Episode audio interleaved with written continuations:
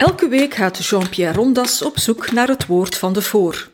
Hij analyseert het woordgebruik van journalisten, politici en opiniemakers, wikt en weegt hun woorden en ontmaskert bedrog. Beste luisteraar, ik zou Vlaamse politici die Belgische staatslui willen worden, eens willen meenemen naar het derde studiejaar van de aangenomen jongensschool Heilig Hart te Sint-Amansberg, waar meester Pauwels ons de eerste beginselen van de regel van drieën probeerde bij te brengen. En zowaar, eenmaal in het vierde studiejaar waren wij in staat om te berekenen wanneer exact en op welke plaats twee op elkaar afkomende treinen bij verschillende snelheden elkaar zouden kruisen. Kom daar nog eens om.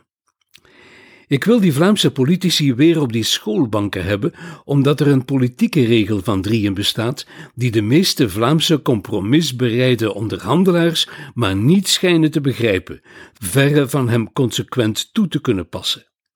Deze regel is nogthans in hun eigen midden ontstaan.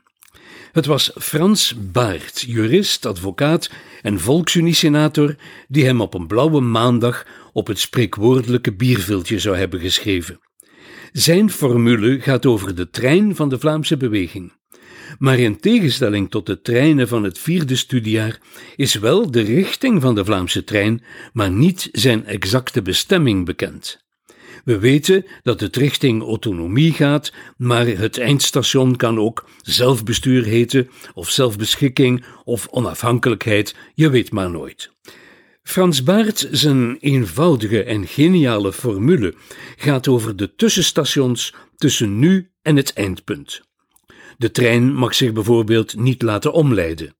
En hij mag ook niet terug naar af worden gestuurd. Om nu te weten te komen bij wat voor tussenstations veilig mocht gestopt worden, werkte Frans Baert drie voorwaarden uit. Beantwoordde zo'n station niet aan deze voorwaarden, dan moest het gepasseerd worden. De eerste voorwaarde luidt dat de tussenstop de moeite moet zijn om er een politicum van te maken. Je moet er willen uitstappen om een belangrijk intermediair stadium geregeld te krijgen. Bijvoorbeeld de cultuurraad in de jaren 70, die veel later de opstap tot een volwaardig Vlaams parlement zou worden. Deze eerste voorwaarde betekent eigenlijk dat men geleidelijkheid en stappenplannen aanvaardt, en dat heeft de ruime Vlaamse beweging trouwens altijd gedaan. De tweede voorwaarde zegt dat de gedane toegevingen in verhouding moeten staan tot het belang van de stop. Er mogen van daaruit geen dure uitstapjes worden gemaakt. Bijvoorbeeld pseudobevoegdheden in de vorm van borrelnootjes of loketverschuivingen zijn uit een boze. Dat zijn trouwens termen uit de aanloop naar de zesde staatshervorming. De derde en de belangrijkste voorwaarde stipuleert dat deze aanzienlijke stap, waarvoor een billijke prijs is betaald, verdere stappen niet onmogelijk mag maken. Of met onze trein in gedachten, er mag daar niet opeens, zoals op een dood spoor, een stootbok staan die van de tussenstop noodgedwongen een eindstation maakt. Er mag ook geen wissel zijn die je naar een andere bestemming loodst, of erger, terugleidt naar af. Voorbeelden, plannen tot herfederalisering, of een unitaire zogenaamde federale kieskring, of een normenhiërarchie die de federale wetten boven de Vlaamse decreten wil plaatsen, allemaal zaken die vandaag in het liberaal-belgicistische vet liggen. Deze baardregels zijn een product van de Belgische compromiscultuur van geven en nemen. Het gaat om vuistregels in onderhandelingen voor wie zijn kerntaken in het oog wil houden. Ze bakenen de grenzen af van hoe ver men in compromissen kan gaan, en ze sluiten rotte compromissen uit. Het moet niet eenvoudig zijn om de toepassing van deze vuistregel consequent te bewaken, te midden van de techniciteiten van staats- en grondwetshervorming. Toch zien we dat de Vlaamse onderhandelaars op de schaal van eerbaar naar rot compromis zeer onderscheiden resultaten hebben geboekt. Denk bijvoorbeeld aan de vernederlandsing van de Gentse Rijksuniversiteit. Deze natuurlijke en onvermijdelijke oplossing heeft lang op zich laten wachten en zoals gewoonlijk verbrak het Belgische establishment de ene belofte na de andere, maar in de jaren dertig was het eindelijk zover. Voor zover ik weet is daar geen institutionele prijs voor betaald. Het was ons recht. Beantwoord volledig aan de baardcriteria. De vastlegging van de taalgrens in 1963, betaald met grenscorrecties en met overheveling van Vlaamse gemeenten naar Franstalige provincies en omgekeerd, wel, die valt volgens mij nog net binnen de krijtlijnen van de baarddoctrine. Maar wat de faciliteiten in Rondse en de Vlaamse rand rond Brussel betreft, hebben de Vlamingen zich laten verblinden door tegensprekelijke interpretatiemogelijkheden van het compromis. Deze stap maakte verdere stappen rond en in Brussel onmogelijk, dat is nu wel duidelijk. Overtreding van regel 3, maar de taalgrens was wel vastgelegd, zodat verdere gebiedsroof onmogelijk werd. Dus misschien toch regel 2 van Frans Baert. Kort nadien en in hetzelfde elan 1968, slechts vijf jaar later, de splitsing van de unitaire katholieke universiteit op Leuvens grondgebied. Ons goede recht, institutioneel, moesten de Walen inderdaad buiten. Onvermijdelijk ook na de vernederlandsing van de Gentse Universiteit. Maar Franstaligen en Belgicisten leren dus nooit een les in één keer.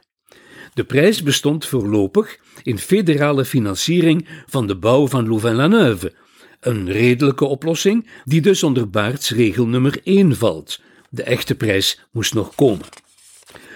Want nog altijd in datzelfde Vlaams nationalistische elan volgde al even onvermijdelijk de eerste staatshervorming van 1970, de eerste stap in de richting van een federalisme sui generis dat in 1993 zijn beslag zou krijgen. Deze ontwikkeling in 1970 hebben we betaald met de Grendelwetten en de vergrendeling of de minorisering van de Vlaamse demografische meerderheid. Dit heeft verdere stappen tussen 2000 en vandaag verhinderd. Zware overtreding van Baartregel nummer 3. Men zou zelfs kunnen zeggen dat Frans Baert zijn regels pas begon te ontvouwen na 1970, omdat hij als advocaat gezien had wat voor onheil er gesticht werd als men die regels niet in acht nam. Net daarom werden de regels populair in de Volksunie, die er dan ook onvermijdelijk zelf mee worstelde. Denk maar aan Hugo Schilds. Het strekt NVA-voorzitter Bart de Wever tot eer dat hij op twee cruciale momenten een aantrekkelijk maar rot compromis heeft geweigerd. Tegenover hem staan de wankele ADHD-politici Wouter Beke en Servij Verheirstraten, die tal van zogenaamde compensaties te grabbel hebben gegooid om te bekomen wat we eigenlijk al verworven hadden, namelijk de splitsing van de unitaire kieskring Brussel-Halle-Vilvoorde in 2012. Deze BHV hebben we betaald met een versplinterende zesde pseudo-staatshervorming. Vooral de zogenaamde samenwerkingsakkoorden belemmeren hier elke vooruitgang.